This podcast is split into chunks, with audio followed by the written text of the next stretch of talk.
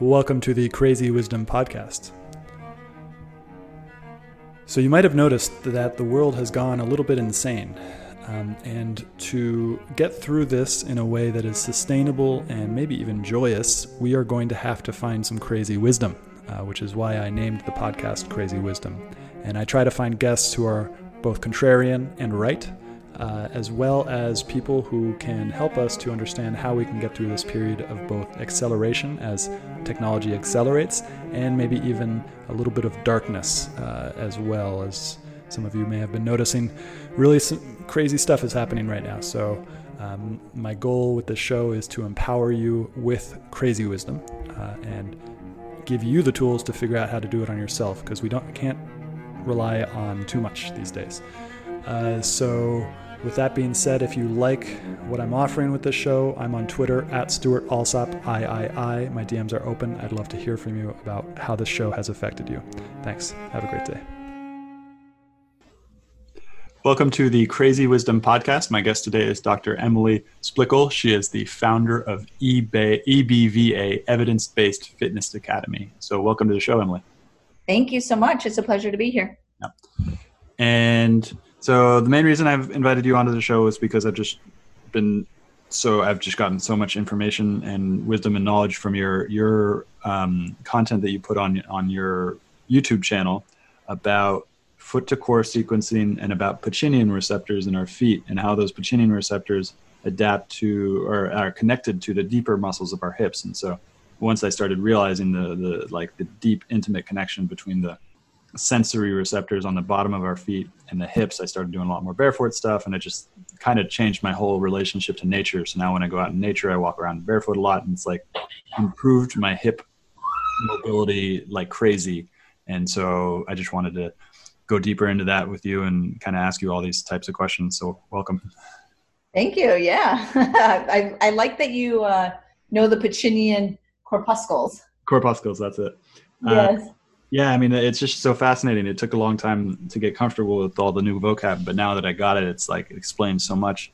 And there's one thing in particular that made me reach out, and it's I'm gonna see if I can get to. Oh yeah, it was why don't why don't you mentioned that humans have Ruf, Ruffini receptors, which is another type of sensory receptor, and you mentioned that other animals don't have Ruffini receptors. Do you have any more information on that? Yeah, so the Ruffini ending Ruffini receptor is a it's a slow adapting receptor and which means that to stimulate it you actually want to think more like a slower stimulus or more a constant stimulus now this is it's found only in humans not primates mm. and you typically find it in our fascia so mm. you could think of it in um, you know the bottom of the foot fascia but also surrounding joints and it's throughout the fascial web. Uh, the best way to appreciate it is that when you get a massage, so the slow, kind of the slow, steady strokes of a massage are stimulating the Ruffini endings. And what's cool about the Ruffini ending is that it downregulates the sympathetic nervous system. Mm. So if someone is in fight or flight, you actually want to stimulate the Ruffini endings. Reflexology stimulates Ruffini endings, so you get that down regulation, and uh, it's it, it's a powerful association that I use from autonomic nervous system regulation, but then dynamically we use it as skin stretch. Hmm. Hmm. So you can also get to the Ruffini's receptors by yeah by doing a slow slow alternating stretch essentially. Uh, yes, correct. Um, or an example in the foot is that I use texture a lot, which I know you know. Um, and if you have textured insoles in your shoes or you're training on a textured surface or something like that, the foot actually adheres to the rough textures and that stimulates skin stretch. So we have not just vertical impact forces when we walk, but we actually have horizontal so the horizontal impact forces stimulate skin stretch in the feet, and that helps to control impact forces. So interesting. And then why don't why don't uh, does anybody know why humans have it but primates don't? Other primates don't? I mean, my guess, just from kind of an evolutionary perspective, would be the bipedalism. So the fact that we mm-hmm. are in relation to impact forces and bipedalism, and our our fascia. And I've asked fascial researchers that I've known, and I was like, has anyone done done primate to human mm-hmm. fascia studies uh-huh. to see if they have the same fascial lines? Do they have you know the same connections that we see you know the obliques connecting to the adductors on the other side and no one has said that i don't know if you just can't get funding for it or whatever but mm. i i think it's built around bipedalism and for those listeners who don't know bipedalism is the just the fact that we walk around on two feet and nobody else does um, yes, yes. that that seems like a very interesting and makes sense so Ruffini receptors and and it's great massage. What's been the most interesting fact that you've learned in the last three days about how the body works? Oh, in the last three days? Or you know, last week. Uh, doesn't. Like as we're surrounded with with COVID nineteen, uh, have to do with with stress. Um, uh. I would say, well, yeah, understanding stress. Stress is a huge one. Um, and I think that the reminders of breathing and stress and controlling stress through that, mindfulness, and how important that is. The, also, the association between stress and somatic responses. So, if you stress is essentially just like energy that has to release somewhere. And a lot of people manifest that energy in their body. So I see a lot of chronic pain patients in my office um, here in New York City as a podiatrist and a human movement specialist that they're they're just manifesting their stress within their calves or within their tendons or their joints and until they address the actual root cause of that stress or that emotional state they'll never get past that chronic pain or uh, chronic movement dysfunction um, so there's a powerful connection between both of those um, and the third one, uh, I would say, oh, actually, uh, ozone. I'm reading uh, Dave Asprey's book, Superhuman. So I'm reading about ozone therapy right now. And uh, IV ozone and what it does to the immune system is very impressive. Um, one, as it relates to COVID 19, but just in general, how it makes you superhuman, to quote Dave Asprey's word. Um, so I'm quite interested in ozone as well. Uh, I had a thread and I'm losing it, but I guess we'll go back to the the other the other thread which I was considering, which is breath and stress. So now that people like massage is probably not going to be on most people's plate for the next month or two, and and a lot of people rely on that to de-stress. I've, I, I run breathwork sessions four times a day, ten minutes long, really short ones for designed for beginners and people who want to work remotely and transition to remote work. Um, and so I've noticed for myself that the more breath work I do, the less massage that I need to do. And so I'm wondering if you have any evidence for why that is. Why? What are the you know, because Ruffini receptors, maybe it's Ruffini receptors in the, the diaphragm or the, the breathing apparatus. Like why it seems like breath work is an internal massage. And, and also I got into, I, I, I don't, I haven't read anything about this, but what you say about the Pacinian corpuscles in the feet makes me think about Pacinian corpuscles in the rest of the body, particularly in the speaking apparatus, because they relate to vibration. So they sense the vibration. And then if we sing, we also like give each other or give give ourselves a massage of the vocal as- as- apparatus and the resonators. So what do you think about that in breath and sound? Uh, yeah, I mean that's why I'm I'm big into sound healing. So sound bowls and things like that, doing sound mm-hmm. baths. Um, sound is vibration. So to me, that makes a 100% sense as far as um, vibrations effect on muscles. So this is how you can use whole body vibration platforms. Um, now, vibrating foam rollers are very kind of in trend, and they're essentially using vibration to inhibit part of the neuromuscular control of the muscle. So it's really the muscle spindles and the mm-hmm. GTOs to kind of override them to relax. Whoa. But they're using massage for that. However, vibration can also be activating. It depends on how you use it. Either has an inhibitory effect or an activation effect. I use it in both ways. um, with patients and in my office. But yeah, sound sound is vibration. And so when singing, because that's the singing feels activating. Like it's, I guess it depends on what type of singing, and but it feels very activating. Like you get kind of high from doing it, um, and that's so interesting. So what about the breath then, and the connection between the breath without sound and Ruffini's receptors? Uh, so I would, I would say the breath with the Ruffini receptors. Yes, you could say some stretch as far as diaphragmatic breathing and you're getting into that fascia because it's it's lengthening it's stretching um, it's your visceral fascia mm-hmm. a lot of the visceral fascia which is your gut is where you house interoceptors mm-hmm. which are really uh, sensory receptors for your internal environment mm-hmm. where uh, where proprioceptors and mechanoceptors are receptors for the external environment. Mm-hmm. Um, interoception is very much related to stress. It's your interpretation of stress, your interpretation of balance and harmony. So the more that people do breath work, they are able to connect to kind of that internal being, oneself internally. Yeah, so it's probably not through the Ruffini receptors, but it's probably having another pathway into the autonomic nervous system to down regulate the sympathetic nervous system. Yes, 100%. So a lot of people need to learn how to feel their bodies.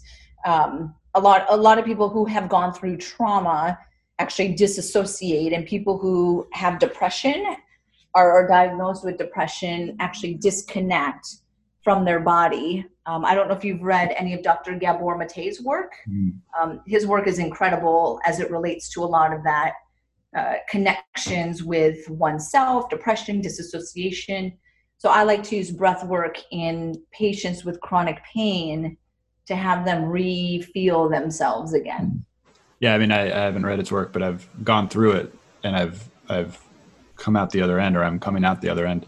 Uh, mm-hmm. so I definitely know viscerally that that that is an accurate thing that mm, trauma, chronic trauma, and acute trauma uh, creates this setup that is extremely difficult to get out of, uh, and it so much interoception practice.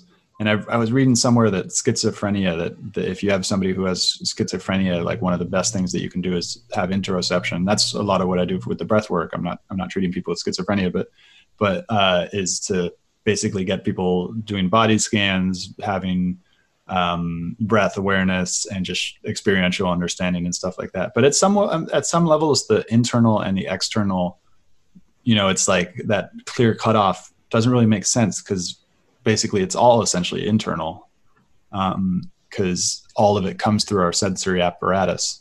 This is kind of getting into deeper philosophical stuff about the nature of self. Where do you draw the line between the internal and the external self? I mean, I agree that they're definitely deeply integrated because, yes, your perception of the external is based off of your internal. So the internal is what is mm-hmm. first established. Um, and if you look at um, I'm drawing a blank on the gentleman's name, but it's it's called. There's several books. One's called Windows to the Womb, and they're they're books on how we first develop emotion and relationships to the world. Actually, start in utero mm-hmm. and are very much based off of the energy of our mother and how that then tells us in utero before we even have experienced the external environment um, am i safe? Or is, is it safe? And can i be safe? Hmm. interesting. That's and that's what i've started to realize in my own uh, life and practice is that there was the feeling of unsafety was from a very early age. And and, that, and that's where the work of um, robert sapolsky is really interesting because he goes into stress cycles and why zebras don't get ulcers and he talks about uh, all the different cascades of um, adrenaline and the stimulatory hormones going from i think it's called crf i might be wrong on that. Uh, that's the first one that goes within five seconds and then it just spreads out the rest of the body and goes into the adrenals i believe and then the adrenals release um, glucosteroids and so like that whole process is happening in the womb and changing the perception of the baby as well. 100%. Yeah, yeah. That's exactly right. Yeah. And then, so you have a baby now. How has knowing that affected your behavior, or just like, how do you think about that? Uh, well, yeah, I definitely factored that in a lot when I was pregnant. Um, actually, before I was pregnant, I read all of these books because I was interested in it. And I feel that a lot of us uh, were shaped by our experiences, and then those that take it upon themselves to explore those experiences want to make better for the next mm-hmm. generation, whatnot. So I had been through, you know, trauma growing up and things like that, that I wanted to make sure that for my daughter, I create as much safety and calmness as I can. So, and I knew that it started in utero. So I read all of the books and the research related to it to essentially heighten my consciousness so that I would be more conscious pregnant and then while parenting and all of that. Mm. Um, of course, it's hard to be perfect in all those, but I tried to do the best job I could. But I mean, there's a flip side to that, which is that uh, uh, a child needs stress as well, and you don't want to like, you don't want to like overwhelm them. I guess that's the key part is how to how to not get not intervene in times when that intervention would prevent them from experiencing something they need to experience to develop, but at the same time not overwhelming them because i think the overwhelm is the is the real issue because for me that was like the overwhelming sensation of just like something is wrong and it's, it's not safe. Uh, and then and then and that's been the biggest thing for me is unwinding that. But then again like unwinding that has also led me to these gifts but that's just my might be just my meaning making that helped me get help put it in place and everything like that. So i don't know well yeah so that that i think that perspective is important whether it's you know, when I was pregnant and I get stressed out and I tell mm. her while she was still in me saying, you know, this is fine. Everything's like, I just got a little bit excited. And you kind of like explain the situation. Mm. What was interesting though, that if I would get stressed for whatever reason, because there were a few times that there was just like a, I would notice that I could reg- I could down regulate and get myself into sim- into parasympathetic faster than she could. And I could still feel that she was percolating with that sympathetic state and sympathetic energy longer after I was already calmed down. And it, it was interesting to notice that. It's like psychedelic, uh, having a baby. exactly. That's really interesting. Because uh, we're, I mean, and we're all linked in these ways that science hasn't really figured out in terms of like the ability to share emotions and and and all these different things but then when you have like a baby inside of you it's like very very clear i'm, I'm imagining is that mm-hmm. yep to to feel the the energy and to know that they feel yours um it's quite fascinating to to experience that and then even now seeing how she shapes the world or really all mm-hmm. children shape the world based off of reading or mirroring mm-hmm. their caregiver and that's the other part that when you read, you know, Peter Levine's and Dr. Gabor Mate's and all of their work is if you as a caregiver don't have this emotional regulation down, you're teaching your yeah. offspring that because you, they're mirroring you and if you don't have the skill set unfortunately they're not going to learn it because they have no choice but to learn it from you mm-hmm. and learning that stuff later on in life is hard very hard yes exactly yeah uh, yeah, it's really interesting because I've had to do a lot of that over the last 10 years. And most of it's like unconscious. Most of it, this is the craziest thing that we're learning from cognitive science is that most of these processes are not part of our conscious thought process. Like we get little glimmers of, of the, of, of whatever is happening in our, in our bodies, but most of it's like far outside the reaches of what, of the person that I'm been trained to think that I am. Um, and, and that like, that's not the important stuff. I'm just getting a sliver of it. Most of it's happening behind the scenes, basically.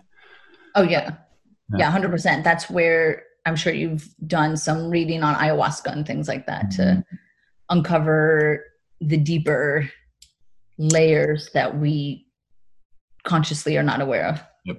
I actually did. I just went through an iboga ceremony, or I had the opportunity to go through iboga. Have you heard of iboga? No. Was uh, that? So a lot of people put it in the same kind of category as ayahuasca, but I would I would say that it's its own thing entirely. Um, it uh, the only people who know about it right now, most of the only people who know about it right now, are actually people who are trying to get off of heroin because it allows you to basically take it. You have this really challenging, um, but uh, meaningful experience, uh, and then you're allowed to skip the withdrawal pra- pro- process basically. So it gives you a clean clean slate uh, and instead of two weeks of withdrawal, a month of intense withdrawal, uh, it, you just have this really intense uh, vision, visionary experience. Um, and so only uh, people who are trying to get off of heroin know about it, but um, it also works quite well for uh, depression, chronic pain, uh, as long as there isn't a um, a root cause that's physical in nature. Um, and even then, it can help you to look at that from a, a different way um, and so people are starting to figure out about about how well it works and, and other things. So I went through a ceremony of this, and and uh, it's quite quite powerful. It worked. Uh, I'm I, I'm still in the process, and that's the thing. It, it stays in your body for about six months uh, and continues to do the work afterwards. Um, so that is highly highly helpful, and I'm glad I did it before the virus because I don't know how I would be handling this right now if I if I didn't have that kind of um, ability to go inside and figure out what's real. Um, so yeah, it was really fascinating. This is, and I've been reading this other book called Psychedelic Information Theory, uh, which kind of tries to develop a scientific understanding of what we're doing when we're taking uh, taking certain substances. And w- what a lot of these substances do is basically, you know, we have this our information processing system is highly decentralized, but there is sort of a high level uh, position that we it's unitary, so it, it our my waking consciousness is like okay yeah this is integrated. And then psychedelics basically disintegrate um, and then then reestablish integration uh, and then you learn a lot but you don't learn you can't take all of it. And and and it feels like this interplay between the conscious mind and the unconscious where you're like where you're seeing the unconscious the unconscious comes up but too quickly if you take a lot. And so it's really hard to to integrate it and stuff like that. So that um, um that that was quite a mind-blowing thing particularly with the iboga. Um, what do you do you patients ever come to you come to you asking about their feet and then and then end up asking you about psychedelics? Uh, well so i did explore different trauma release techniques because again as i had said that i see a lot of chronic pain patients chronic neuropathic pain idiopathic neuropathic pain where there's no known cause. So it's kind mm-hmm. of self-induced or self autoimmune essentially. So it's like why is the body attacking itself?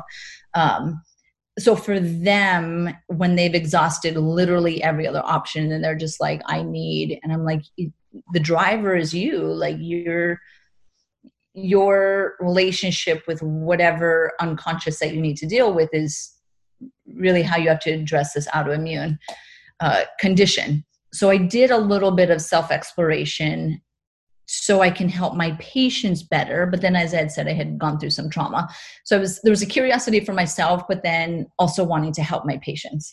Um, so I had done like holotropic breathing. Um, I've done NLP. Um, familiar with some other techniques, and then uh, I had started kind of getting into the ayahuasca side of things, mm. exploration. Mm. Haven't done it, mm. um, but there is some other uh, kind of sound bath, and you do MDMA, and mm. uh, I can't remember what else you do at the same time.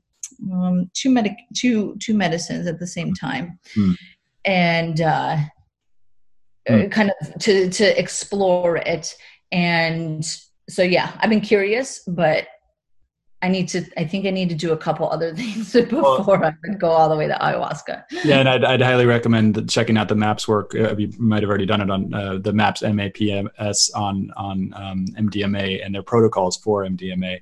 Uh, and so once they get that through the FDA, which I believe is very very close to happening, uh, they uh, the MDMA might be a, a, a, way, and that that really is the one. Like if people have a lot of fear, and usually people with chronic pain, oh uh, yeah, because I learned that fear and panic go through the periaqueductal gray, which is this part of the brain that is like um, responsible for panic, but also is related to chronic pain. Um, mm-hmm. And so, um, so chronic pain is usually there's a lot of panic that people have as well, And so I, and that was definitely the case for me. And so what MDMA does is basically softens you up so that you can then take on these because because there is no chance of panic on MDMA, and then and then essentially uh, uh, it, it, helps you kind of like work up to the larger ones basically, um, and that's what I that's what I used with Iboga was basically to to because the Iboga caused a lot of fear, rightfully so. It's a it's a heavy medicine. It's a it's um and uh, and uh, but the MDMA essentially helped me to to to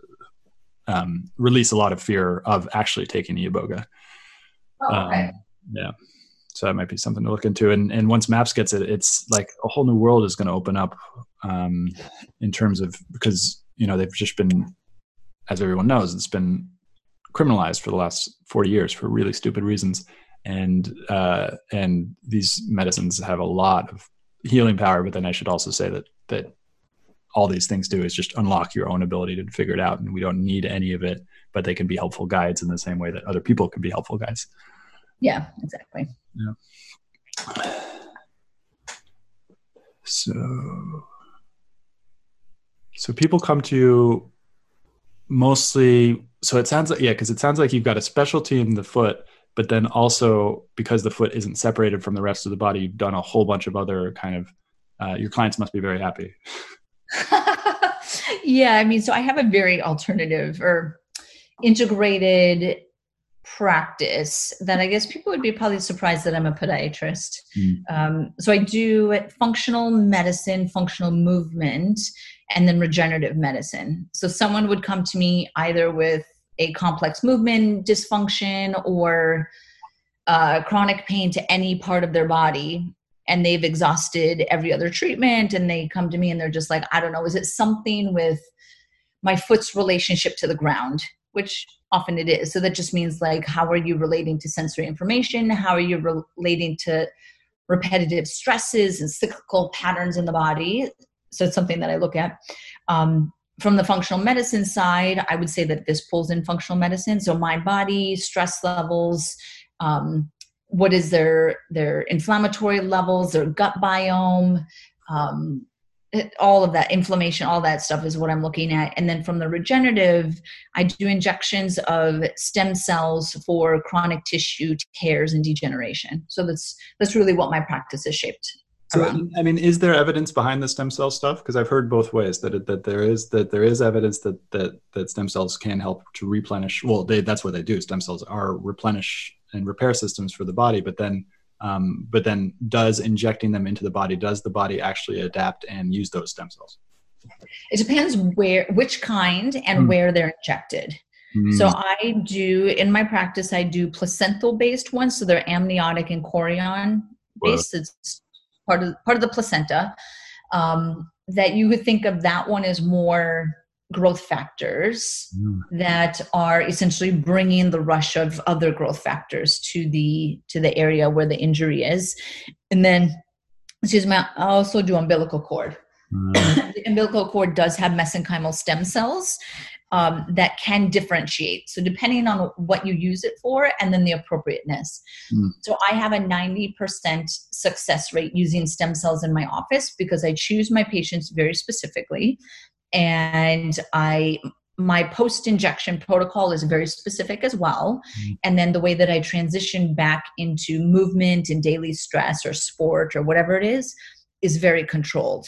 So I don't inject them and then say, okay, go walk around and do whatever you normally do and good luck. You know, they're not going to work. Um, where most success, most most stories you hear about unsuccessful stem cells or PRP or anything like that is doctors will inject it into a joint or into tissue and then they literally walk out of the office and keep doing everything that they normally do. You can't do that. That's like the equivalent of having a fracture and then you walk on the fracture and you keep disrupting the osteoblasts from creating their cross bridges and the stability of what you need to heal a fracture um, that i'm like you can't expect to have a healed tear in your ligament if you're moving constantly it, it doesn't make sense um, so that's where i think there's not a clear understanding of the post injection protocol by a lot of the doctors that are doing it unfortunately So interesting. And then, so let's go into growth factors because I've been trying to figure out what the hell those things are for a long time. Uh, so there's hormones and then there's growth factors, and they're both kind of similar, but they're different, right? Well, yeah. So you could think of insulin like growth factor, IGF one. Uh-huh. Insulin like growth factor is a form of a growth hormone is a way that you could think of that then mm-hmm. right where whole body vibration and um, other kind of regenerative techniques actually stimulate insulin like growth factor where if you stimulate igf-1 that is uh, uh, pro uh, pro tissue healing from a uh, bone and tendon connective tissue perspective. Mm. Um, so that's what's stimulated when you do some of these stem cell injections. It's also stimulated when I use whole body vibration in my office for patients with low bone density or huh. tendon degeneration. So interesting. Um, and so this is so insulin, and that, I mean, there's a couple people like Virta Health that are talking about diet and uh, insulin, but I might be making a couple jumps here because the you insulin growth factor is what then helps to produce insulin? Uh it's so it's a it's under a growth hormone. So yes. So when bodybuilders would work out and then either give themselves insulin mm. which is i'm sure illegal uh, or just have a bunch of sugar and induce the insulin spike themselves so insulin in itself is you know growth hormone uh, productive. If that yeah. It does. I'm gonna have to do more research into it, but now I'm getting another thread, which is like I, I just went out in the woods uh, um, uh, to prepare for a bigger move into the woods as, as the quarantine happens, um, and uh, I was chopping wood, and I was thinking, "Damn, this is so hard." And like a week before, previously, I was weightlifting, um, and then the gym's closed, and so I stopped weightlifting, uh, and and I was like, "Wait, this is so much harder. Why? I guess this is why we invented weightlifting because uh, living in the woods, like it's hard all the time. And uh, and so I was like chopping the wood, and but it felt like a whole body exercise. Whereas with the weights, I'm just isolating different parts of the body, and it felt like the way the chopping wood might actually be more beneficial if I'm living a functional life. What do you think about this, like functional um, uh, resistance training versus like uh, um, uh, artificial, I guess it would be. Oh yeah, I mean, I'm huge, obviously in favor of, the former, yeah. where you think of. I mean, that's where a lot of you know um, functional training facilities really wouldn't have any weights in them. They would have, you know, tires that you flip, sleds that you push or you pull, um, you know, hammers that you're hitting the uh, tractor tires. So you're essentially mimicking kind of what you were doing, where knowing that, yes, that's how you actually use your body as like a whole unit. Um, mm. integrated versus yes just a bicep curl. So yeah i'm very much in favor of that. It's hard for people to to know how to do that if they're trying to think of it on their own in the gym. If you just had an open space and some random stuff and then just have everyone be like hey come up with a workout people would not know what to do. I'm, coming um, up, I'm coming up with a an idea for a retreat slash uh, workshop slash something which is just bringing people into the forest meditating breath work and then uh, doing all the stuff you'd normally do in a forest uh, but then uh, marketed it as a as a as a uh, uh, way to uh, become fit. Yeah, I mean, cutting trees, hiking. You know, you're navigating uneven surfaces. You're that's balancing in a different way. Yeah, that's the big thing. That, that's what I would love to talk about. The the uneven surfaces. That's something I've noticed so much when I'm out in nature. Is just like I don't. I never see a flat surface. I never see something which you'd see in a in a city, which is like square, uh, like geometry. Like it just doesn't. I mean, happens like very very infrequently and that's what we were designed to do so that's the strangest thing right yeah i mean that's how you stimulate your feet your brain actually the huge thing is that it stimulates your brain uh-huh. feet feet and brain uh-huh. um, which is really the nervous system and that's why your feet are so important from from a neuro perspective is the more you can stimulate the nerves in the bottom of the feet you optimize cognitive, sensory, motor input to the brain, um, which is huge. And there's studies that have shown that if you go trail running barefoot, meaning you're on uneven terrain and you have to avoid sticks and rocks and things like that, you actually get a increase in memory retention than if you were to run on a flat, even surface, which is quite interesting. Whoa. Yeah. So maybe you can help me figure out something. So I just I just went into the woods as I mentioned, and um, there's something when I happen when I go sleep in nature that is like the first night I always get it, and I've heard talk to other people about it. First night I always get really bad sleep, really intense kind of things happen to me, um, and it's it actually brings up a lot of fear. Uh, but then the second night, beautiful restful sleep uh, and and and then I'm just like adapted. So there seems like there's a period of integration that you go into when you go into nature. Do you know anything about that? Mean, it makes sense. Mm-hmm. You know that I think that there's part of what it could be is you know when you're in a city, all the I mean, I'm huge in EMFs. I don't know if you mm-hmm. read a lot on that. What's that?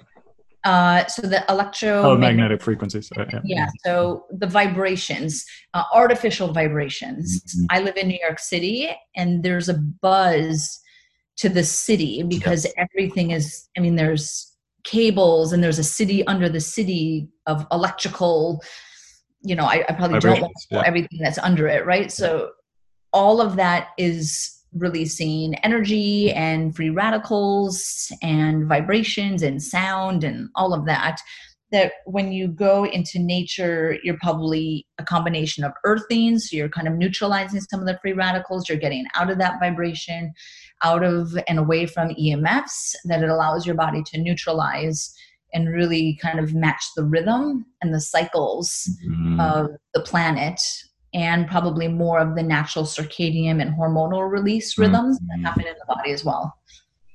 Yeah, and that's another huge thing because if when you're out there, you just you're out in the sun, uh, or or the clouds or whatever. I mean, even when there when there's the, there are clouds, you still there's still something happening, which is so interesting because it's like we don't know that much about it. It doesn't seem like we know that much about nature. We're starting to people are starting to study this a lot more, and and it seems like clear that you know we evolved there. So probably going to make us more comfortable to go out there. But yeah.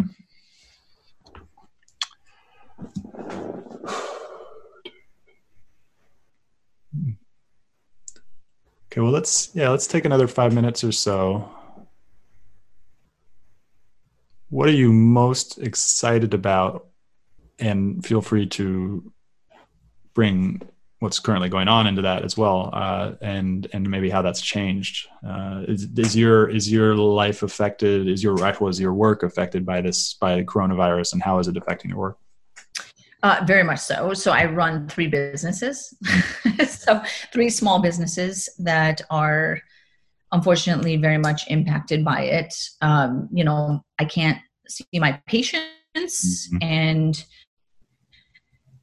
you know help people that essentially have chronic pain that had to go on hold because mm. of you know shelter in places and things like that um, it's also a big part of you know how i, I pay the bills is a, a hard aspect. And then my education company EBFA that you had mentioned in the beginning which is a global company i have 15 master instructors around the world. And because this is a global issues it's not just mm-hmm. like okay the us my revenue here in new york is affected or the growth of my companies here. But obviously literally workshops and uh, mm-hmm. conferences that we had booked around the world all got canceled so that was that's also really hard um, but it's forced me to switch my content online mm-hmm. and then it's also forcing me not forcing me but allowing me the opportunity to step away from the day to day kind of uh, keeping up with that that business that now I'm writing mm-hmm. another book. So we see that as a positive. well, this is positive. Yeah. Um, but so yeah, I'm writing. I'm writing another book that's called Own It, and uh, offensive techniques to owning your health. Very cool one of the huge things that I advocate in my office is that my patients have to own their health, that I'm not there to help them. I guide them. I'm just a guider or, you know, kind of navigate this world of, you know, their health. and that really they have to take it upon themselves. It's not for me to do it. I'm not a manual therapist. I don't, you know, do hands-on techniques outside of injections for patients, but I essentially um, navigate their their path to healing. Um, so it's a book on that. Uh, and then my third company, Naboso, which are textured insoles. Uh, we just did a huge uh, purchase order with our factory, and then all this happened. So that's very stressful. Mm. and then we just launched into Europe, and all this happened. So that's quite stressful. Oh, fuck. Yeah. But then the positive timing is that we're actually doing a rebrand. So we're redoing our packaging, our website, and a whole marketing strategy. So I'm using this lull to reshape that marketing uh, strategy so that come summer, we're kind of back into it. Um, and then I would say the last potential positive thing is that my husband and I today were we're speaking about let's get out of New York City because there's so mm. many changes. Yep. And we're looking at going potentially either Puerto Rico, Virgin Islands, or something, and just live there for a couple months, which could be great for us get away, and then uh, just for our daughter to experience it. If you want any tips, I've uh, I've I've I think about all that stuff a lot. As as you may remember, I, I just came back from Colombia, so um, and I'm moving into the forest, so uh, yeah, if you ever need any tips on that, I can. You guys sounds like you guys are going for a warm, uh, warm place more. Yes. Yeah, yeah. Puerto Rico probably be a good good choice. Um, yeah, anything within the boundaries of the U.S. because the main challenge right now, unless you unless it's a smaller island with a very high functioning uh, uh, political system, because the biggest thing I see in the next five to ten years is political instability, and um, the United States is a better place than most, I think, to to um, ride that out. Yeah. So I mean, we if we don't do that, then we might just go to Arizona, where my brother lives. Yeah. Yeah. But definitely, I think shifting out of New York for the time being, especially since they're putting rents. I'm hoping that they're going yep. to pass it, but rents on hold for 90 days. Oh wow. And then we can. I wonder if they're going to do that in San Francisco. Um, I don't know. I mean, they haven't officially passed it. They hold they put a hold on mortgages for 90 days. Got it. So with New York City being such a renter city, I mean, yep. not a lot of people own here, but everyone rents, yep. which means all of those renters are impacted. Um, to me, it makes sense to do that and support mm. them. Mm. Wow. Well, thank you so much for coming on the show. Um, and how can people find out more about what you're working on? Sure. So my websites are my practice is dremilysplichal.com, which is just my name. My education company is ebfaglobal.com. And then the textured insoles that I had referenced is nabosotechnology.com. All of those sites and companies are on Instagram and Facebook. Very cool. Thank you so much. This has been real pleasure. Thank you. Take care. Hope you enjoyed this episode. I'll be publishing episodes every Monday, Wednesday, and Friday in the morning. If you did enjoy this episode, please find us on iTunes, Spotify, Stitcher, many of the major podcasting platforms, and go ahead and give us a review. And also subscribe. And as always, I'm on Twitter at Stewart Alsop III. Come join the conversation as we aim towards the truth. And the funny thing about truth is that I can't really put it into words because every time you put the truth into words, you create a linear narrative out of something that is nonlinear. The truth is nonlinear. It's not. It's. It's. If you really recognize the truth right now, your mind wouldn't know what to do. It'd be overwhelmed by beauty, pain, or it's. It's something that is beyond our linguistic capability to represent but that doesn't mean that the language isn't helpful. Language can point us in the direct right direction, but it's it's not it's not the truth itself. And so come join this collective inquiry into the truth. Find me on Twitter at Stewart Alsop III. Uh, subscribe to the podcast. Share the podcast with your friends. Uh, most people don't have the ability to let go of this linguistic understanding of the way that the world works and just aim for the truth, regardless of what the language tells us. Uh, and so I think what I'm doing with this this show is is necessary for us because as we enter this stage of uncertainty, uh, and we are most definitely entering an age of uncertainty. And as we do, it's really, really important that we stop paying attention to what the mind is telling us all the time. Doesn't mean to say that the mind doesn't have its place. The mind obviously has its place, but it's just one of the senses. It's just one of the tools that we can use. We can use the mind, we can use the feelings, we can use our actual senses. Uh, we can check our intuition with other people because sometimes the intuition tells us the wrong thing as well. Sometimes the intuition is wrong. So it, we can't we can't rely on any one tool to get us there. So come join the show. Find us on iTunes. Find us on Twitter at Stewart Alsop III, uh, and come join the, this inquiry for truth.